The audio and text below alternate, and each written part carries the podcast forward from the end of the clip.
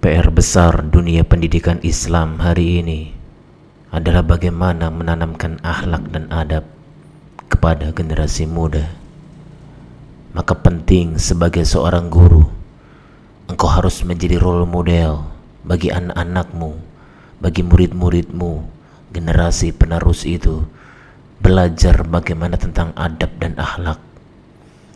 Guru yang sebenarnya dia tidak hanya menjaga jasad muridnya, ia hadir menguatkan jiwa-jiwa muridnya, menancapkan keyakinan di dalam hatinya tentang tauhid, memompa semangat juang mereka.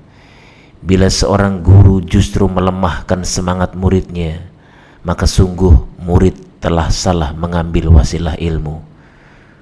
Wahai para guru, janganlah belajar. Hidup itu Sejak lahir hingga mati adalah sekolah tanpa bangku. Guru yang berhenti belajar sebaiknya berhenti mengajar. Engkau harus bisa mengajarkan sesuatu yang tidak diajarkan oleh Syekh Google. Ajarkan adab dan akhlak, karena inilah akar permasalahan bangsa kita. Pendidikan adab dan akhlak adalah sebuah proses yang tidak bisa berhenti berhenti itu ketika kita mati.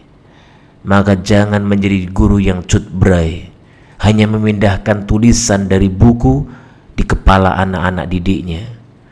Wahai para guru, engkaulah sebaik-baik kurikulum. Negeri ini membutuhkan kontribusimu.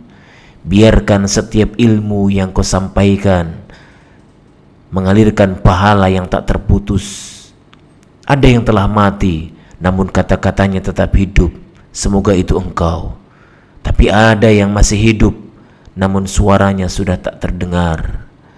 Menjadilah guru yang baik, karena guru yang pintar sudah banyak. Hidup di dunia itu dua kali.